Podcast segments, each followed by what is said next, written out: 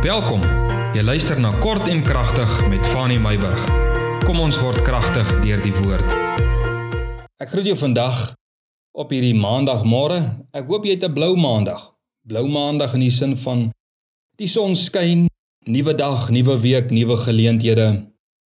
Die toekoms lê oop en bloot binne die wil van die Here. Vanmôre wil ek sommer met jou gesels oor jy is Jesus se skaap. Johannes 10 vers 11 tot 14. Kom ons lees gou-gou.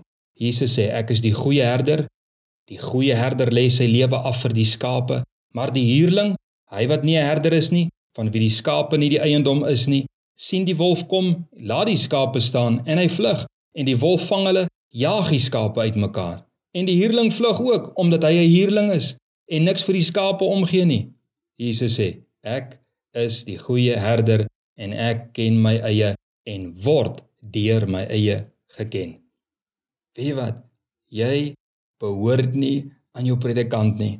Ja, jou predikant is die herder van die kraal waar jy geestelike voeding ontvang.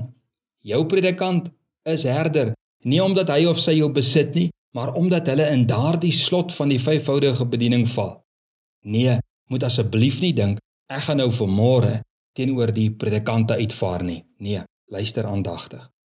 Jy weet wat?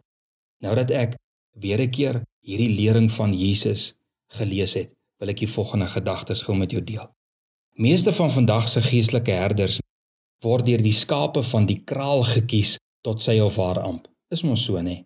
As jy mooi daaroor dink, behoort die herder aan die skape. Die skape bepaal die herder se vergoeding en die skape lyk vir my bepaal sommer ook die teologie wat die herder moet handhaaf. So die herder is 'n huurling, jy's reg. En die skape wil nie altyd na die huurling se stem luister nie. Dis ook reg. Want hulle stem dalk nie saam met die herder se teologie nie.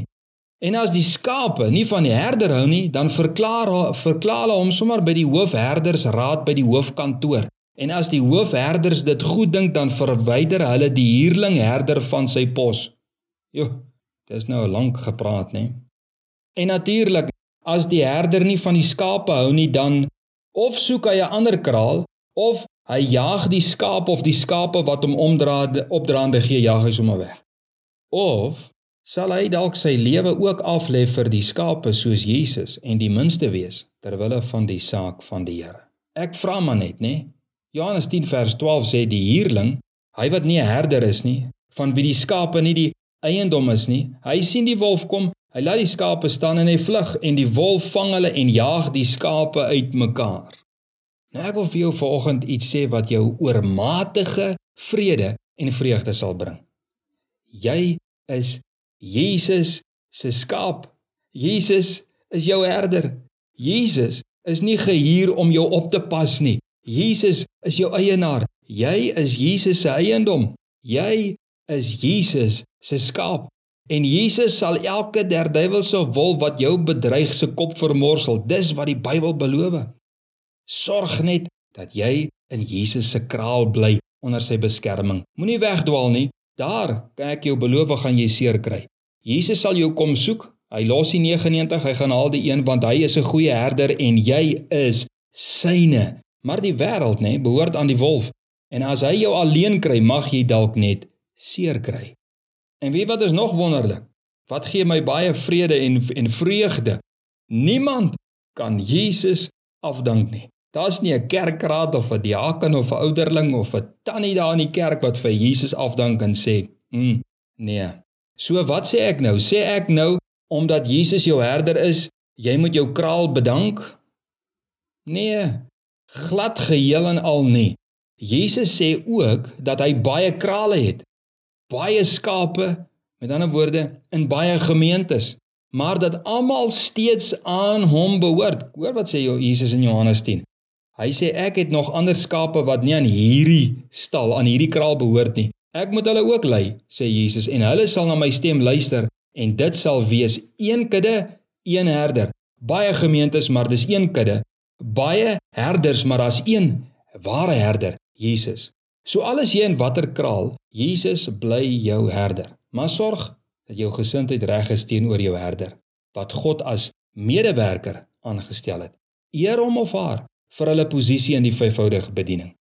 Geen aardse herder is volmaak soos Jesus nie. Ons moet dit aanvaar. Jou herder het foute. Moet nooit dink al help jy sy salaris betaal dat jy en jou gemeente julle herder besit nie. As jy 'n slegte gesindheid ontwikkel teenoor jou herder. Ek vra jou mooi, moenie tweederag saai nie. Gaan sien jou herder en asseblief dan sit jy 'n wag voor jou mond. En as jy voel daar is nie self aan te smeer in julle verhouding nie, wees jy die minste. Hoekom? Elke herder staan verantwoordelik teenoor hulle hoofherder, Jesus. En dit is nie die hoofkantoor nie, dit is Jesus. Die Bybel noem hulle medewerkers van Christus Jesus. En as die wolf inkom om die kraal waarin jy behoort in twee te skeer, skaar jou by die herder, nie by die wolf nie. Hê onderskeidingsvermoë oor wat die wolf se intensie is en begin 'n gebedsaksie saam met jou herder en dra hom of haar in gebed. Dit is wat Jesus van jou verwag. En in die krag van Jesus sal die wolf vlug en sy planne sal vernietig word. En vandag wil ek sommer net vir jou sê vir die week wat voorlê. Stap breë bors vandag hierdie week in want Jesus is jou herder.